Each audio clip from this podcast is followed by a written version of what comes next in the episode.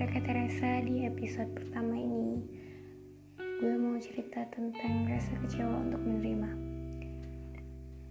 Sebagai makhluk yang tentunya sangat amat lemah ini Pastinya pernah dong ngalamin kecewa. Entah dalam hal sekecil apa pun.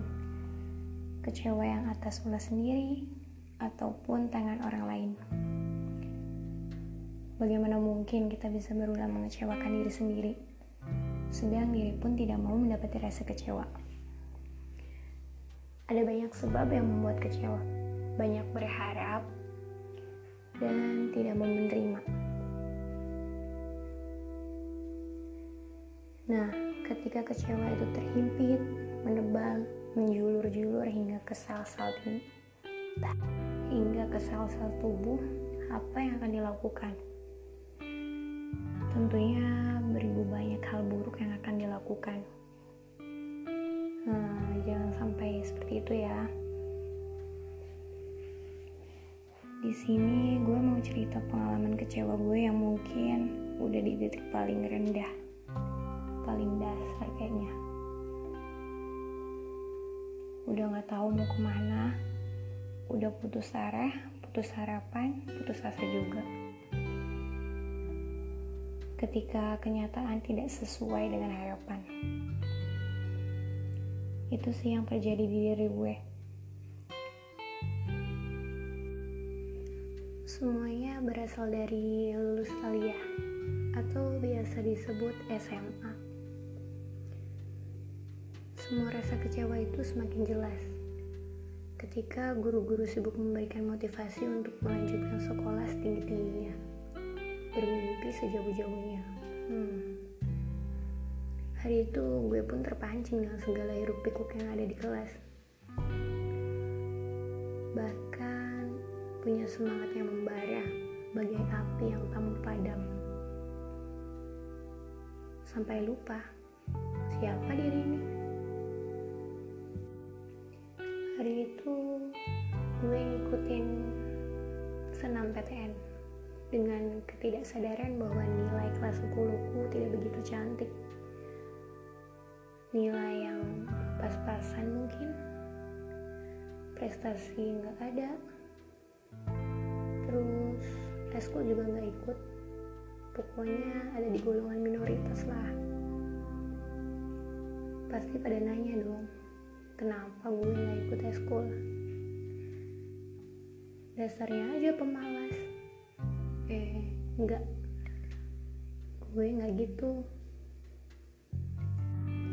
Gue suka-suka aja sama segala macam yang bentuknya organisasi kayak gitu. Tapi yang ini emang nggak bisa buat gerak. Buat gerak seluas mungkin. Gue nggak boleh ikut eskul yang katanya dikira main biar nggak kerja di rumah lah. Inilah itu pokoknya macam-macam deh. Pokoknya gue nggak punya banyak ruang untuk gerak. Ya lanjut ke senam PTN hari itu gue ikut semua segala macam aturan. Sampai mondar mandir ruang BK itu tuh udah jadi santapan setiap hari semua berkas sudah terkirim, tinggal nunggu hasil. Ya, tiba di malam itu, berharap, berdoa, yang pastinya akan adanya keajaiban. Tapi nyatanya, gue gak lulus. Oke, ini nih pertama kalinya gue kecewa udah paling lemes banget deh tapi masih tetap mau berjuang. Walaupun mikirnya peluang terbesar gue senam PTN karena ya lagi-lagi duit. Oke lah untuk senam PTN gue kubur rapat-rapat kekecewaan itu. Btw yang gagal ini banyak banget. Semua kelas gue nggak ada yang masuk ada yang masuk ke kriteria senam PTN. Setelah semua kecewa, kita coba cari kesempatan lain kan, yaitu SBM PTN. nah selama nungguin ijazah gue udah kerja di toko kerudung dan di tempat itu ada mesnya jadi gue nggak perlu bolak-balik ke rumah cukup ada di situ aja sebelumnya gue udah daftar SBMPTN dan posisinya gue masih kerja di situ. Uh, daftar SBM tapi nggak belajar. Bukan nggak belajar sih jadi nggak sempet buat belajar. Karena emang waktunya terbatas. Jam kerja dari pukul 9 sampai 10 malam coba bayangin mau pukul berapa belajarnya? Otomatis balik kerja pengennya langsung tidur karena capek banget.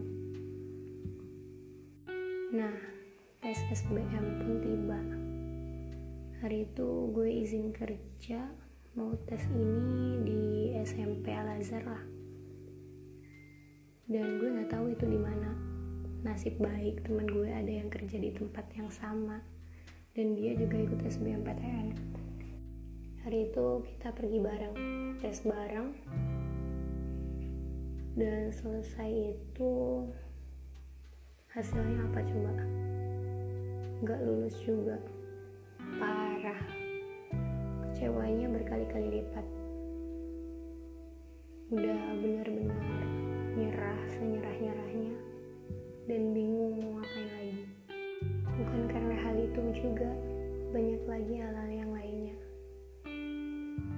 Kayak omongan-omongan orang yang paling menohok yaitu omongan dari saudara. Itu paling terngiang-ngiang banget sih yang katanya alah mau apa sih sok-sokan kuliah gak punya duit mau ngerepotin siapa? SMA aja udah ngerepotin dikira kuliah bayarnya murah. Gratis-gratis itu cuma daftar doang. Semuanya bayar. Jangan sok tahu.